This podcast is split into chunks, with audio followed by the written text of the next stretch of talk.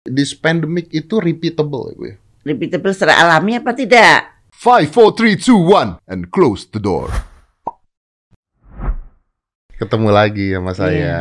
Terakhir kali ketemu, hmm, habis saya kena masalah.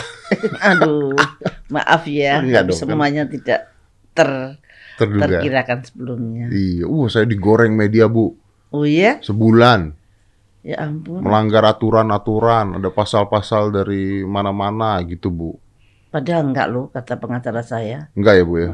Anda hanya hanya akan melanggar peraturan kalau mewawancarai napi di penjara. Nah, saya kan nggak ke penjara bu ya? Kan di rumah sakit. Iya di rumah sakit. saya dibilang menyamar bu. Gara-gara saya pakai topi, terus pakai masker, Tuh. dianggapnya menyamar. Kalau nggak pakai masker, nanti salah. pakai masker dibilang nyamar, saya bingung, pusing saya. Ya itulah hebat sekali ya kok sampai seperti itu. Ya gitulah, tapi nggak apa-apa. Ibu kan yang penting udah keluar sekarang, Ya, udah sehat, udah keluar. Kalau masalah yang kemarin katanya eh, kena KPK ya Pak ya Bu ya? Iya, KPK kan, udah beres lah ya, Bisa. Udah beres tuh Bu udah ya, beres semuanya. udah beres semua. Saya tidak didiskon sehari pun. Tidak didiskon sehari Iya, pun. malah tambah tujuh hari. Karena waktu itu saya operasi mata, tambah tujuh hari. Oh, jadi nambah hari? Mm-mm. Tapi bukan karena Anda, tapi karena operasi mata. Karena operasi bukan karena saya datang dong. Bukan. Bukan dong. Tapi karena saya datang, ibu dibalikin lagi ke penjara bu ya. Iya. Padahal ya, padahal kita nggak sengaja se- baru sekali itu saya lihat Anda. Anda datang dan saya senang banget Anda kan eh, apa namanya selebritis gitu kayak kok mau nengok saya ke situ gitu dan saya sangat eh, happy gitu sampai saya ya nggak ada pikiran apa-apa gitu you tanya ya saya jawab you Iya. tanya saya jawab itu adalah pengalaman saya yang jauh sebelumnya itu dan saya nggak merasa nggak merasa mengatakan sesuatu yang nggak betul orang semuanya itu saya lakuin betul-betul dan documented gitu. Ya pokoknya kalau menurut ibu mah itu yang ibu lakukan gitu Mm-mm. bu ya. Ya, ya, ya, ya. Tapi gimana bu sekarang bu? Baik bu. ya baik-baik aja Baik. karena sudah terjadi ya Ya Nggak sudah. apa-apa. Ya sudah lah ya. Gitu. Yang penting sekarang udah bebas ya bu ya. Mm-mm. Bebas. Nggak ngurusin covid bu. ya ngurusin untuk rakyat Ibu kan ini tempat bertanya dianggap ratunya Mm-mm. konspirasi. orang itu kalau dengar konspirasi takut banget Heeh. padahal sebetulnya itu sebetulnya simpel Hmm. persekongkolan gitu Persekongkolan. Mm. gitu. Tapi covid mah ada dong bu. Oh iya pasti Pasti ada covid ya dong. virusnya ada Virusnya ada. jangan dikaitkan kalau konspirasi itu virusnya nggak ada itu Itu beda hal ya. beda Covid mah ada, mau itu dibuat orang atau nggak dibuat orang tuh hal yang berbeda, tapi virusnya ada, Mm-mm. gitu bu ya. Nah sekarang kan orang-orang jadi pada takut semua. Nih mudah-mudahan nih vaksin nih jadi jawaban nggak sih bu? Karena ekonomi sekarang kan berantakan habis-habisan. Ya karena kenapa berantakan? Ya karena COVID. Ah, Karena COVID mengharuskan tidak boleh bergerak. ah, Perekonomian itu timbul karena pergerakan manusia. ah. Kalau manusia tidak bergerak ya ekonomi berhenti. Jadi harusnya gimana bu? Kalau menurut eh, ibu eh, Iya Fadila kalau Supari. kalau lockdown ya pasti ekonomi juga ikut lockdown. Hmm, Kalau nggak bergerak ya ekonomi juga melambat. hmm. Gitu aja. Tapi mungkin mungkin nanti new normal yang mereka harapkan barangkali nanti ekonomi itu akan bisa tetap bergerak walaupun eh, tidak memakai pergerakan orang, tidak memakai pergerakan kapal terbang. Nah itu katanya nanti akan pakai IT saja cukup. Nah itu saya nggak tahu. Apakah betul akan bisa begitu? Tapi kayaknya kalau pergerakan orang harus deh bu. Nah, Kan kita kan iya. nggak enak kalau nggak ketemu sama orang bu ya. Nah iyalah. Iya kan? Wawanc- Makanya Wawancara, itu. wawancara pakai zoom juga nggak enak. Oh, oh. Oh, oh, enak kan ketemu kayak begini, Iya. ya. langsung ketemu gitu kan. Iya. Kalau ketemu kan beda rasanya, Bu. Iya. Ibu-ibu tahu nggak kalau eh, video ibu viral tentang PCR harusnya hanya untuk orang sakit tahu nggak? Tahu, viral ya. Viral. Kok begitu sih Bu ngomongnya, Bu? Kok gitu? Viral ya. Bukan kok viral. Kok ibu mengatakan PCR hanya untuk orang sakit? Kalau belum sakit tidak ada gejala. Ya memang begitu. Nah, kalau kalau orang nggak bergejala tapi dia COVID kan dia bisa OTG, Bu. Gini gini, kalau orang jalan-jalan, Orang jalan-jalan. atau di PCR, padahal dia nggak sakit. Eh, itu kalau ada bekas eh, bekas virus-virus yang ada di hidung atau di orofaring Hmm, hmm. itu akan terbaca positif. Lah kan bikin repot kalau positif. Jadi positifnya kayaknya banyak gitu padahal sebenarnya ini enggak positif. Tapi dia bisa nularin nggak? Nah kalau kalau cuma sisa-sisa bukan virus utuh ya nggak bisa nularin dong. Oh gitu. Iya. Tapi dibacanya positif. Yang kemudian dinamakan OTG. Hmm. OTG itu ada yang karena seperti itu. Ada juga yang memang ada virusnya. Tapi virusnya itu tidak bisa ke dalam tubuh karena antibodinya orang itu bagus atau Kar- Karena saya nggak ngerti karena banyak sekali berita yang OTG katanya menularkan. Ada berita yang mengatakan OTG tidak menularkan. Banyak loh berita kayak gitu. Saya juga nggak ngerti. Coba deh, eh, Tia cek deh. Ada berita tentang OTG itu tidak menular gitu. Ini gua nggak tahu juga. Makanya berita-berita tentang COVID ini kalang kabut udah. yang Yang satu ngomong ini, satu ngomong ini gitu. Kalau saya mah udah sederhana aja, saya santai aja. Saya tahu virusnya ada, saya tahu itu berbahaya, saya tetap olahraga, makan bagus, udah saya menjaga tubuh saya dari dalam, udah gitu. Karena kalau kita mikirin tentang satu hal itu terus-terus terusan, matinya mati kepikiran gitu, Bu. Orang kan kalau takut takut eh, saya dengar kata-katanya Gus Baha. Dunia ini likuidasi, orang bisa gempa, bisa bisa lahar turun kapan saja. Kalau orang yang belajar geo- eh, geologi tiap hari memikirkan itu, orang takutnya mati karena itu katanya. Iya. Kalau orang tahu kalau mati aja ngelindur bisa mat, tidur ngelindur bisa mati, orang lama-lama nggak mau tidur. Kalau kita dikasih berita negatif-negatif terus, lama-lama orang jadi negatif terus, nggak ada yang lagi mau balik lagi untuk hidup normal gitu loh. Ah, tapi berita yang menakutkan itu satu paket dengan virusnya lah repotnya itu. Jadi semua takut. Saya aja takut. Waktu itu ini gimana sih betul-betul ada yang mati.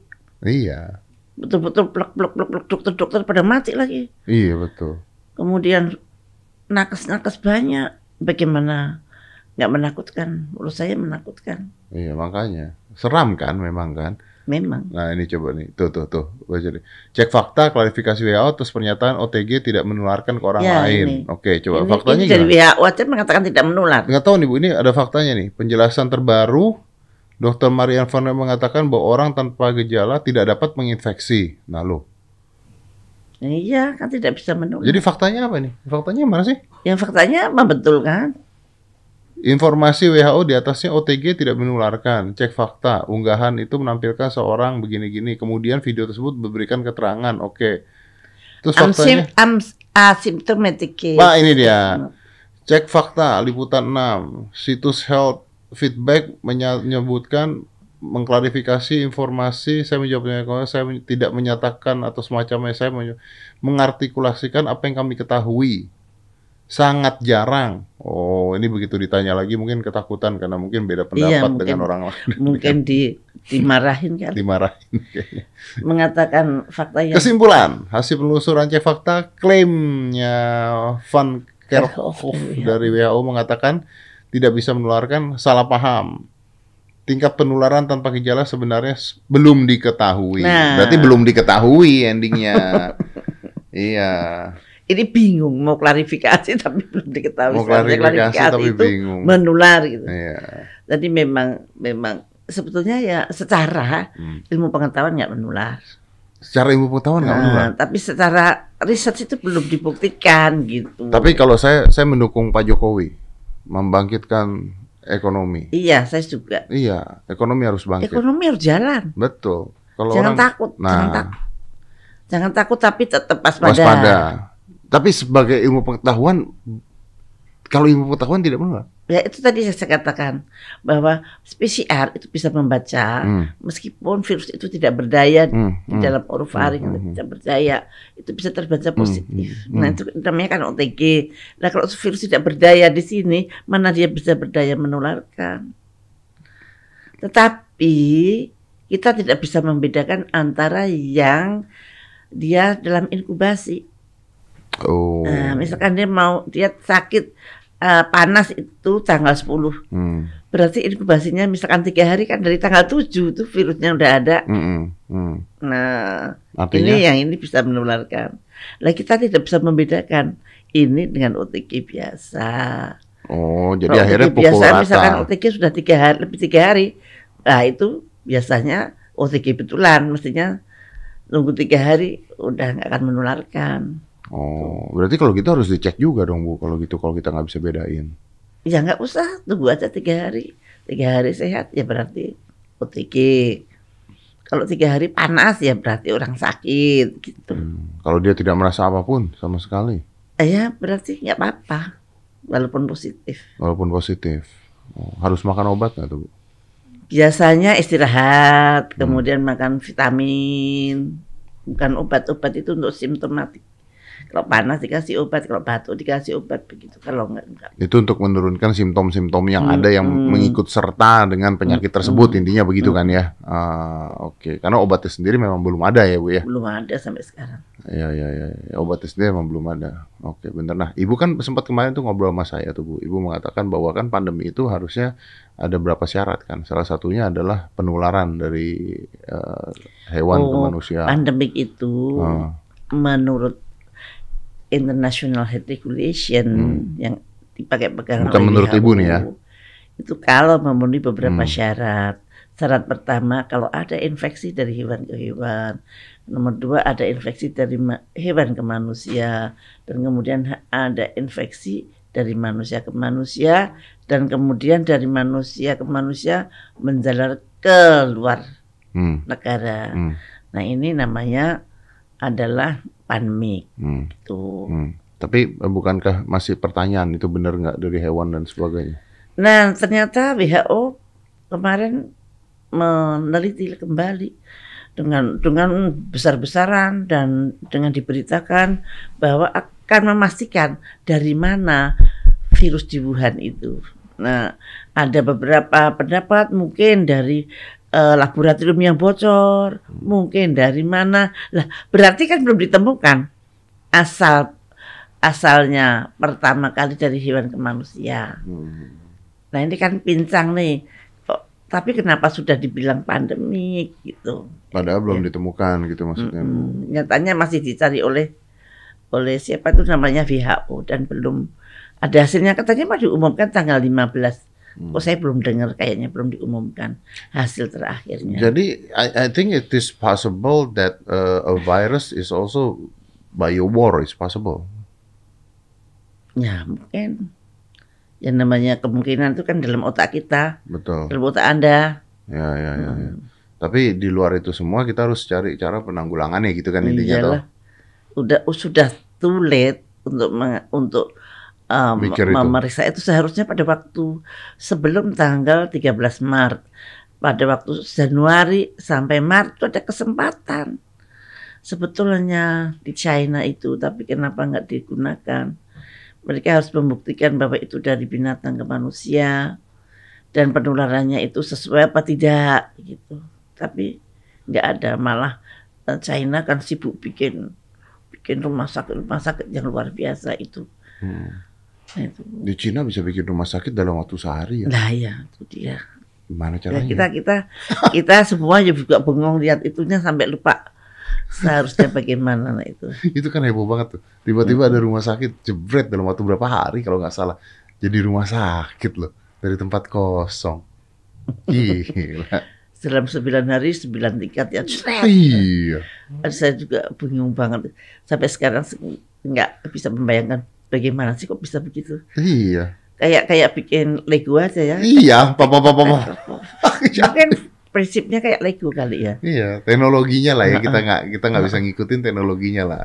Kita kalang kabut kan. Mereka bisa bikin. Enak banget kalau kayak gitu bikin rumah ya. Iya. Nggak usah nunggu lama-lama. Iya kalau bikin rumah kayak begitu, orang-orang yang susah-susah itu. DP 0% bisa jadi per jadi semua. Bisa seminggu jadi. Bisa Waduh, seminggu jadi. Keren banget itu. Enak. Aduh, Ibu nggak ini, nggak masuk ini, nggak pengen masuk ke pemerintahan lagi, Bu.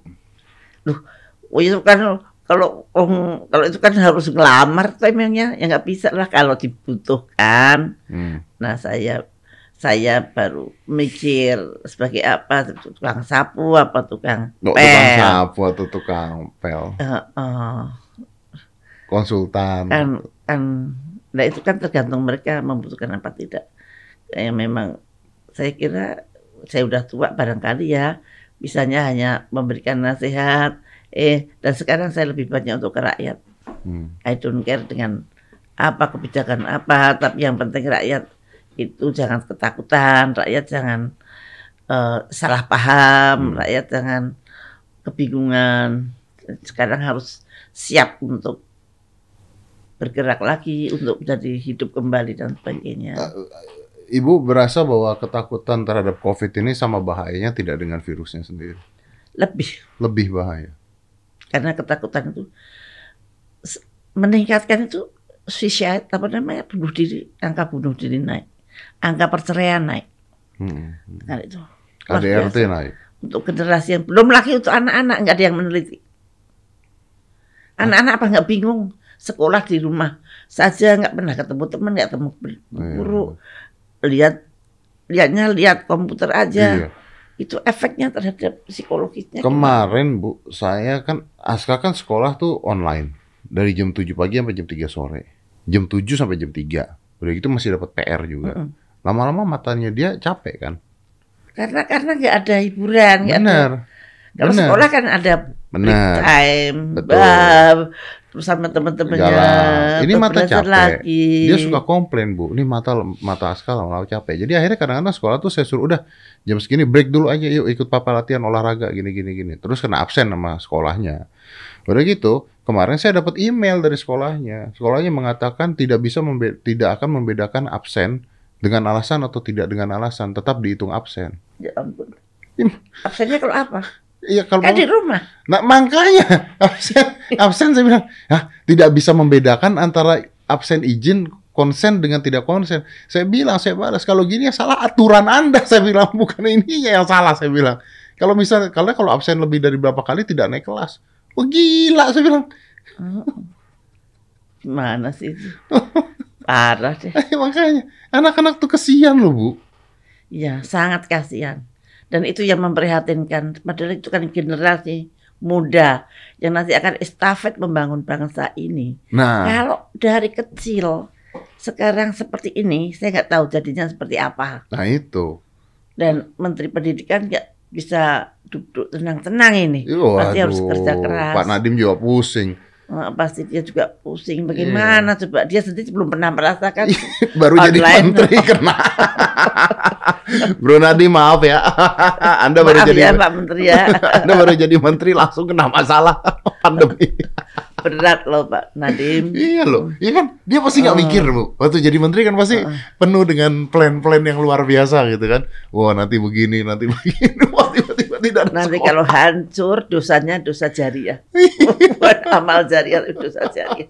Dosa yang akan terus menerus mengikuti dia. Iya, Karena loh. dia saat ini dialah yang bisa membuat suatu kebijakan. Betul, betul, betul.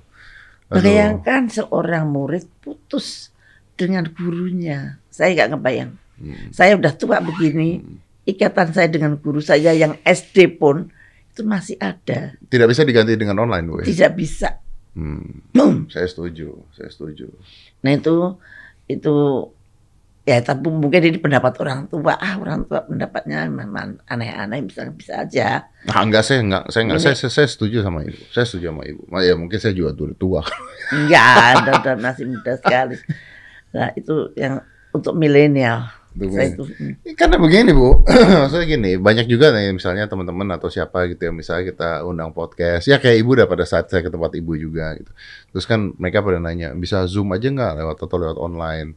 Saya bilang, aduh nggak usah deh, mendingan jangan deh kalau memang nggak bisa keluar nggak apa-apa, saya tunggu aja sampai udah berani keluar. Saya bilang gitu.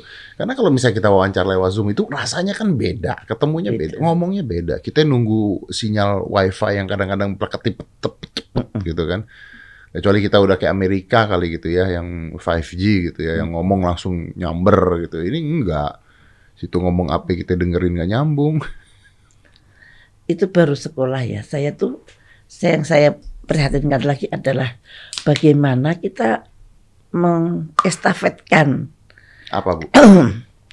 rasa rasa kebangsaan, rasa bernegara dengan betul pada milenium, pada milenial, anak-anak milenial. hmm. Tadinya saya tuh bingung gitu ya. Hmm. Aduh, gimana caranya? Mereka sejarah sekarang nggak ada di di sekolah, nggak ada sejarah nggak ada. Kalau salah nggak ada. Sejarah itu dihilangkan. Tuh geografi juga dihilangkan. Nanti nggak tahu letaknya Padang itu di mana, itu di mana gitu. Lucu deh. Itu kenapa sih ya? Kalau kita dulu kan kayaknya ilmu itu urut ya, karena ilmu Hmm. kita dari Belanda kali ya. Jadi oh, yang saya rada prihatin. Bagaimana saya cerita negara kita dulu itu seperti apa? Minum dulu, Bu. Kenapa kenapa eh, kita perlu merdeka? Ya, kalau sejarah itu memang kenapa penting. kita nggak enak aja dijajah? Kenapa kita ngotot pengen merdeka sampai sampai mengorbankan segala macam? Nah itu kita bagaimana menyampaikan pada milenial? Kita salah dijajahnya sih, Bu. Kalau ini putus, apakah milenial tidak bingung? Nah, Apa itu negara saya? Apa itu bangsa saya? Nah itu yang membuat keprihatinan saya. Apalagi sekarang seperti ini. Ada COVID ini. Betul, milenial banyak yang bingung saya kira. ya pasti, pasti. Ya walaupun mereka sudah lebih ke gadget ya dibandingkan yang berusia ya, tapi kan tetap aja gitu. Mereka tidak merasakan sentuhan manusia itu beda, ketemu tuh beda, ngobrol bareng tuh beda, nggak bisa. They cannot uh, create to the same, nggak bisa. Ngomong-ngomong penjajahan, kayaknya salah ide jajah kita bu. Kalau kita dijajah Inggris kayaknya makmur. Sama aja. Hong Kong dijajah Inggris, Iya, ya. Singapura dijajah Kita Inggris, dijajahnya habis-habisan. kita malah, Belanda. malah yang ditinggal dijajah malah ikut-ikutan menjajah sekarang. Oh gitu ya, ya tapi saya tuh kemarin ngobrol sama adalah salah satu youtuber namanya eh, Om Hao eh, kisah tanah Jawa.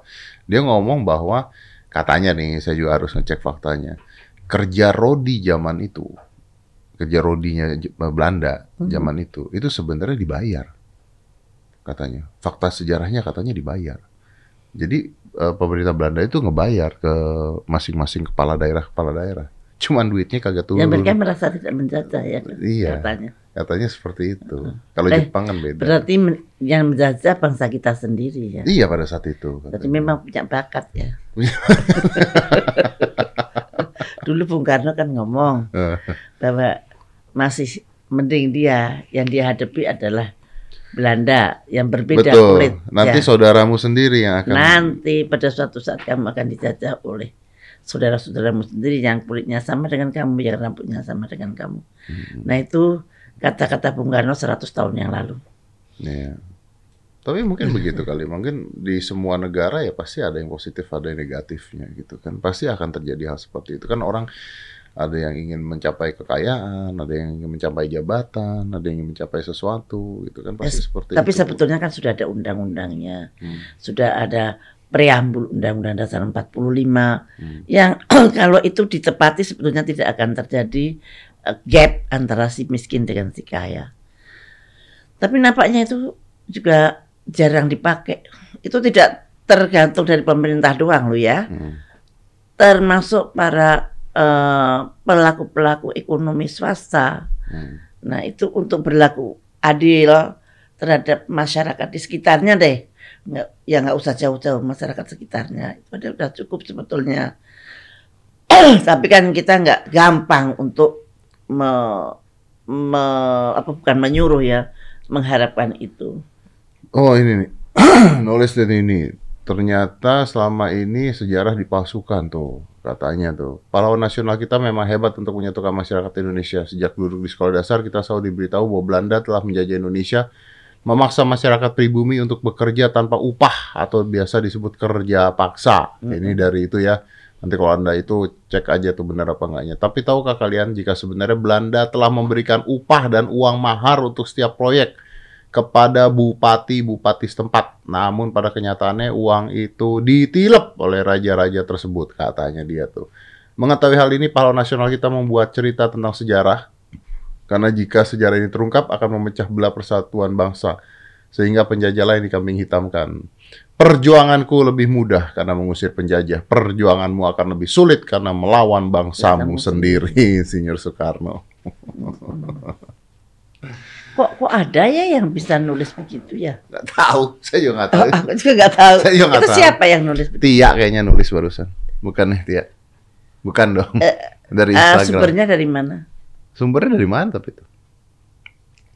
terus terang aku baru baru sekali ini melihat bahwa sejarah itu dipalsukan. begitu. Itu saya juga baru lihat itu. Tapi kita nggak tahu benar apa enggaknya ya. Ini cuma kita Tapi ngeluarin. kan ada cerita tentang tentang apa eh, eh, konferensi meja bundar, Hmm. ada apa kan itu ada sejarah-sejarahnya semua. Kebetulan saya juga bukan orang yang menguasai sejarah, tapi itu ada sejarahnya semua. Masa itu dipalsu juga kan documented, ada fotonya, ada berkas-berkasnya, Ya, foto kan. penyerahan kekuasaan pada- dari Belanda ke Jepang. Republik Indonesia, Republik Indonesia maunya RIS, misalkan itu ada kok. Ya ada, betul ada, ada, ada. Ah, ada. Oh, seperti kan itu salah.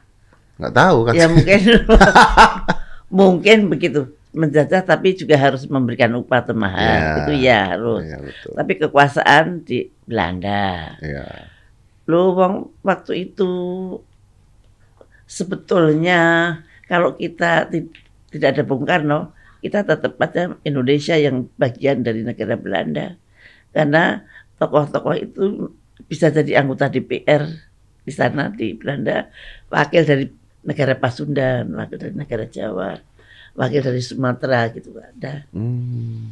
Tapi karena kita merdeka ya itu, itu semua nggak ada.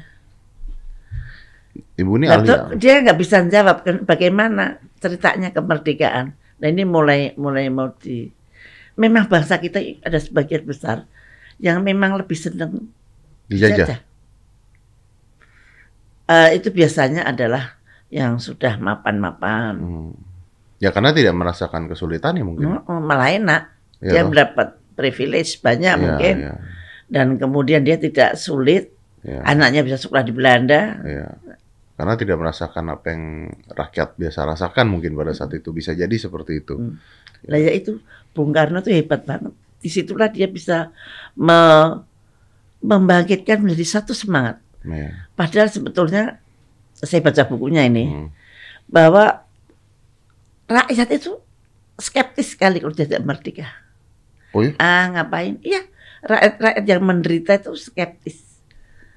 Ngapain nanti merdeka saya juga susah juga gitu. Udah begini aja asal bisa hidup gitu. Betul ayo. Jadi Bung Karno itu begitu rajinnya untuk merayu rakyat itu mengatakan bahwa mereka adalah bangsa Indonesia yang harus merdeka. Itu hebatnya beliau di situ. Dan itu pun tidak semua tokoh-tokoh itu oke dengan dengan pemikiran beliau. Bahkan ah udahlah orang begini juga suka enak. Tapi kan saat ini juga dipecah-pecah juga, Bu Siti. Maksudnya dengan contoh yang paling sederhana aja ya. Saya tahu ini bukan ranah Bu Siti sih, tapi kan kita lagi ngobrol aja nih. Contoh yang paling sederhana dengan munculnya eh, radikal-radikalisme, pemecahan-pemecahan seperti itu. Itu kan juga itu akhirnya dipecah-pecah juga akhirnya. Itu kan sekarang ya. Iya, Itu zaman dahulu kan nggak ada. nggak ada. Iya. Dulu jadi satu. iya. nggak ada agama apa nggak apa. Agama Islam memang dari dulu banyak, tapi perjuangannya juga bareng-bareng dengan agama-agama yang lain. Benar-benar. Itu di situlah kehebatannya pemimpin sebetulnya. Hmm. Apakah bisa menyatukan Betul, betul. rakyatnya atau tidak? Betul, betul. Hmm, tapi ya sekarang sih ya lumayan walaupun walaupun berantem ya kita kalau ditanya pasti masih NKRI. Masih Kita NKRI. masih bersatu, masih satu dalam Indonesia. Iya, iya, iya. Mantap. Mantap. Bu, IQ-nya berapa sih, Bu? Hah? IQ-nya Ah, berapa? nggak mau. Hah?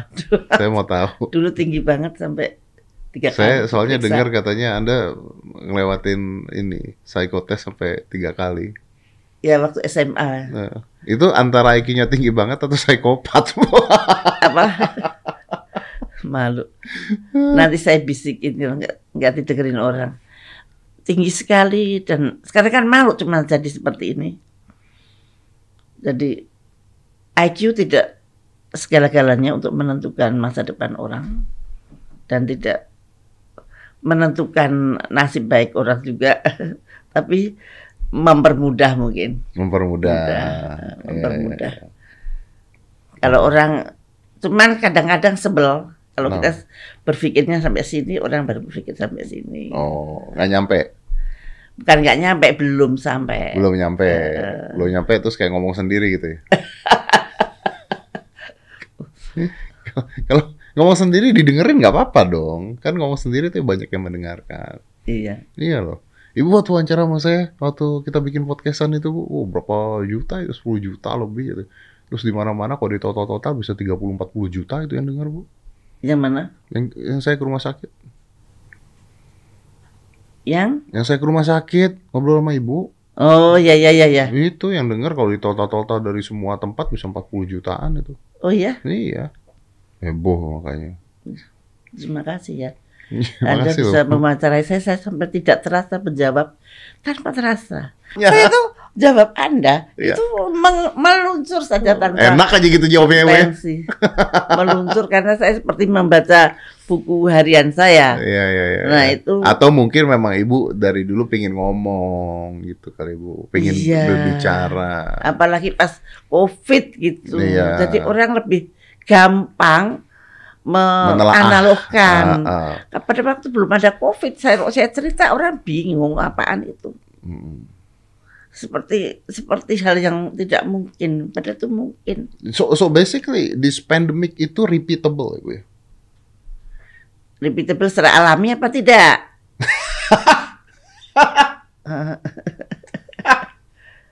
Nah, yang penting alami apa tidak itu yang kita tidak bisa menjawabnya. Ah, Nah, rencananya pemerintah itu akan memvaksin 181 juta rakyat. Kita ada 270. Jadi berarti ada 90 juta yang tidak perlu tervaksin, divaksin. tidak perlu divaksin. Itu cukup selamat. Jadi vaksin yang kita lakukan itu di Indonesia tujuannya adalah untuk herd immunity, Hmm. bukan untuk perlindungan perseorangan. So that's why sertifikat vaksinasi itu menurut saya tidak perlu karena tujuannya itu memang untuk herd immunity. Ya vaksin juga menciptakan herd immunity ya bu ya. kenapa kalau misalnya 70% divaksin kenapa bisa Ya aman? itu itu ilmunya begitu. Jadi kalau 70% dari satu populasi Hmm. itu sudah divaksin. Iya karena dia berhenti tingkat penularannya maka menjadi berhenti. semua akan Iya, berhenti iya, gitu. iya, iya, Itu iya. teorinya mereka. Justru saya belum pernah melihat dan mudah-mudahan kita akan bisa melihat kalau sudah 70% ternyata COVID hilang dari Indonesia gitu. Iya, iya, iya. Kita lihat aja. Mudah-mudahan betul. Yang penting ekonomi harus mulai berjalan dari sekarang, jangan besok dan besok lagi. Iya, iya, iya, iya. Tapi mungkin pertanyaan saya terakhir gini bu, what what what is next kalau pandemi ini selalu berulang? Ya kita harus siap.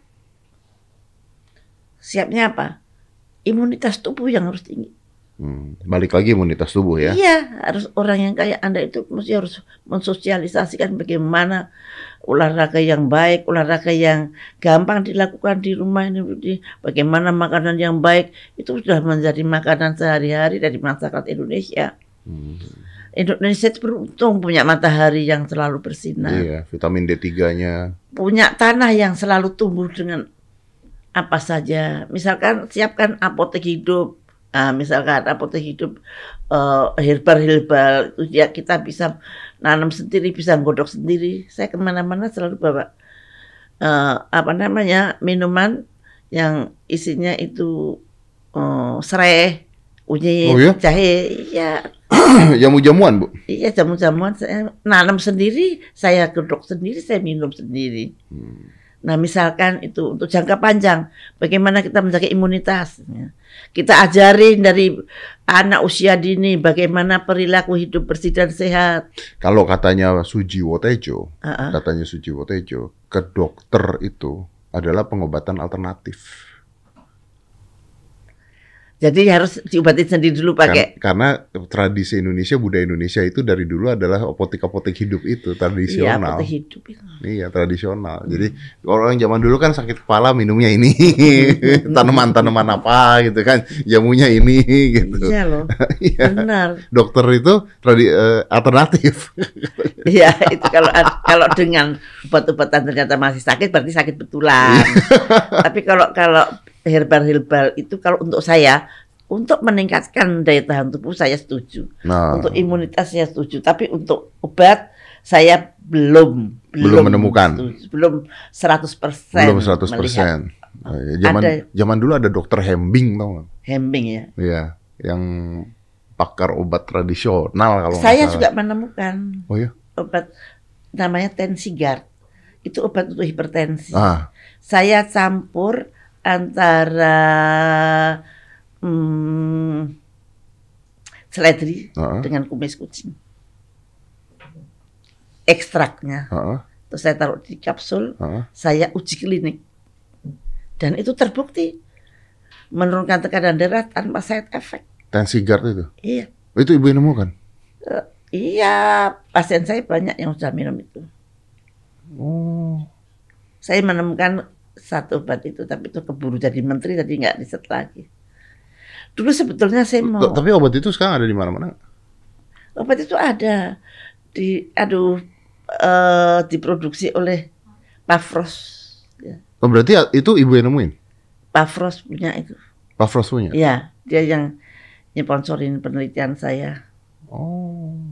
Udah lulus, udah lulus di Badan POM. Berarti sampai sekarang ada dong. Yang namanya fitofarmaka. Sampai namanya ada. Tensigard. Itu obat untuk tekanan darah tinggi tanpa side effect. Tuh kemudian sebelum saya jadi menteri, sebetulnya saya meneliti, saya ingin me- membuat vaksin Hmm. untuk sakit jantung.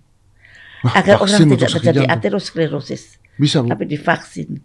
Kalau penelitian saya selesai, ya Pak, insya Allah sih bisa. Tapi ternyata saya baru mau bikin itu, tiba-tiba jadi menteri. Saya jadi menteri kan tidak ingin jadi menteri. Saya tidak punya partai. Kalau ada orang bilang saya PAN itu salah, saya nggak pernah masuk PAN. Saya orang Muhammadiyah asli, Muhammadiyah dari sononya Wih, gitu. Kalau bisa bisa bikin vaksin jantung, gila bu. Iya, Lanjutkan. ya sekarang juga masih bisa diteruskan kalau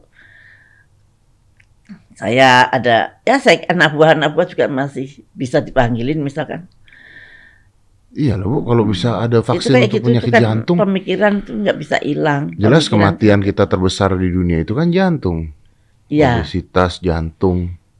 ya tapi vaksin jantung yang untuk di Amerika tidak bisa jalan di sini gitu. Makanya saya bikin inovasi. Kira-kira seperti apa ya? Saya akan harus menemukan kira-kira hmm, virus atau bakteri apa yang menyebabkan infeksi sehingga menimbulkan plak di dalam pembuluh darah Hmm. aduh sudah mau jalan udah jalan udah baru sepertiganya harus jadi menteri nah itu tidak bisa saya eh, deliver ke orang lain Waduh sayang banget bu. Mm, Saya mau tuh kalau vaksin mm, jantung sayang tuh. banget Lanjutin bu, nggak bisa bu. Bisa. apanya Lanjutin bisa dong. ya lanjutin bisa sih bisa tapi membutuhkan suatu usaha yang sangat luar biasa. Siapa tahu bisa dilanjutkan kan, saya, membantu saya, rakyat katanya. saya ini benar-benar researcher dokter jantung yang yang riset. Nggak nggak oh, hobinya riset. Telur omega 3 itu. Hmm. the first one adalah saya yang bikin. Telur kita isi omega 3 jadi ayamnya kita suruh makan makanan yang Hmm. mengandung omega 3 waktu itu karena masih sangat sedikit di sini kita beli flaxseed oil dari Mediterranean dan kemudian ditotol dan ter- ternyata telurnya kuning-kuningnya mengandung asam lemak omega 3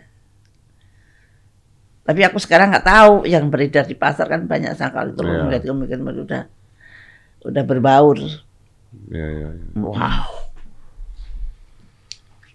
Aduh. dulu pertama kali itu.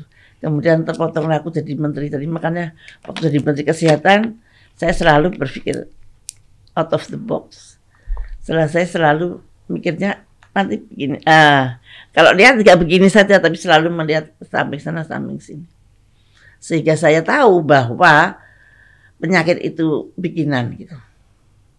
Maka saya protes ke WHO Pada saat itu, ah, pada waktu itu. pada waktu itu. karena karena saya tidak berpikir lurus eh, disuruh WHO A A disuruh WHO B B kalau saya disuruh A kenapa A saya cari rugi nggak bangsaku dengan A ini gitu Hmm. nah, jadi saya siapa pun kalau merugikan bangsa saya pasti saya akan lawan gitu. Nanti makanya saya berani. Saya dulu nggak gampang nurut dengan hal-hal yang dari luar. Karena saya bertanggung jawab pada 250 juta rakyat. Beratnya bukan main. Karena saya bukan orang yang pengen jadi menteri. Orang saya dari rumah sakit, mimpin research, tiba-tiba jadi menteri kesehatan gitu bayangin Nah, tapi kan banyak sumbangsinya juga lah Bu dari semua hal yeah. apa pun itu ya apa pun itu banyak sumbangsinya. Ya lanjutkan lah Bu vaksinnya Bu. jadi saya ini waktu jadi menteri itu bekerja ya seperti riset saatnya maksudnya uh, selalu kalau ini harus begini, kalau itu harus begitu. Jadi lurus banget. Hmm. Nggak menggak menggok. Banyak hal yang saya kerjakan yang ternyata juga membuat saya sulit. Misalkan saya menurunkan harga obat yang drastis karena saya pengen rakyat saya hmm. bisa menjangkau. Nah, pedagang obat kan nggak suka dengan saya karena karena saya menurunkan harga obat.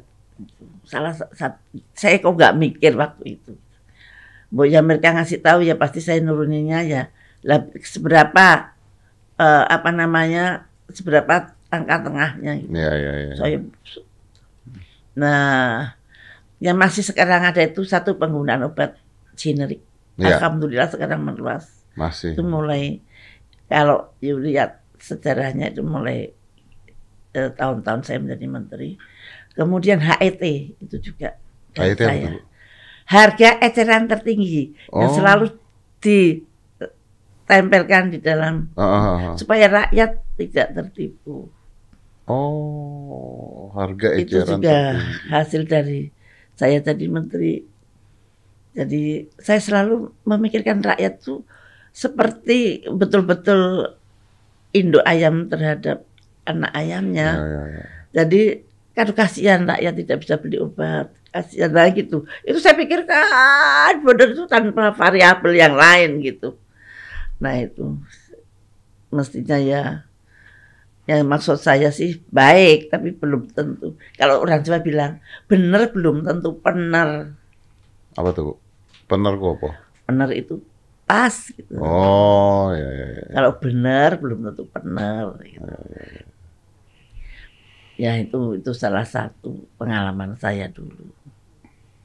Luar biasa. Ya mudah-mudahan bisa balik lagi bu bikin apalah gitu. Vaksin sih, vaksin jantung lah Bu, tolong. Menarik, orang-orang banyak yang mati jantung lah Bu. Lebih menyeramkan kalau buat saya jantung tuh. Tapi yang penting Ibu sehat ya sekarang ya.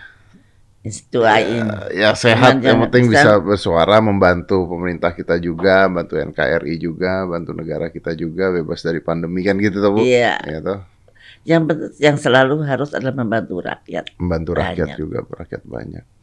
Dengan cara edukasi melalui melalui uh, channel eh, YouTube iya, saya. Ibu Siti Fadila ada channel YouTube. Uh, namanya adalah Siti Fadila Supari Channel. Oh, mantap. Siti Fadila Supari Channel.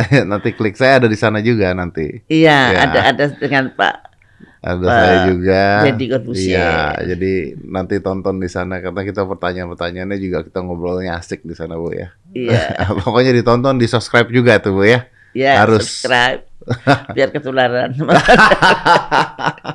Ibu terima kasih banyak ya Bu ya. Yeah. Udah udah datang terima kasih banyak. Ini mudah-mudahan yang dengerin Sama-sama. juga dapat dapat uh, ilmu-ilmu yang bermanfaat juga. Yang penting intinya satu uh, kalau kita bicara tentang Covid ya kita harus waspada tapi jangan ketakutan gitu ya. Beda antara waspada dan ketakutan tuh beda. Kalau Anda waspada, Anda masih bisa bergerak, Anda masih bisa bekerja uh, tapi mengamankan diri. Kalau ketakutan Anda freeze, Anda diam tidak tahu apa-apa, tidak mau ngapa-ngapain, akhirnya imun tubuh Anda turun sendiri, Anda kena penyakit kalau nggak kena COVID kena yang lain sama aja sakit-sakit juga. Jadi waspada boleh, ketakutannya yang tidak boleh. Itu benar bu? Iya. Benar. Terima kasih banyak Terima kasih. Five, four, three, two, one, and close the door.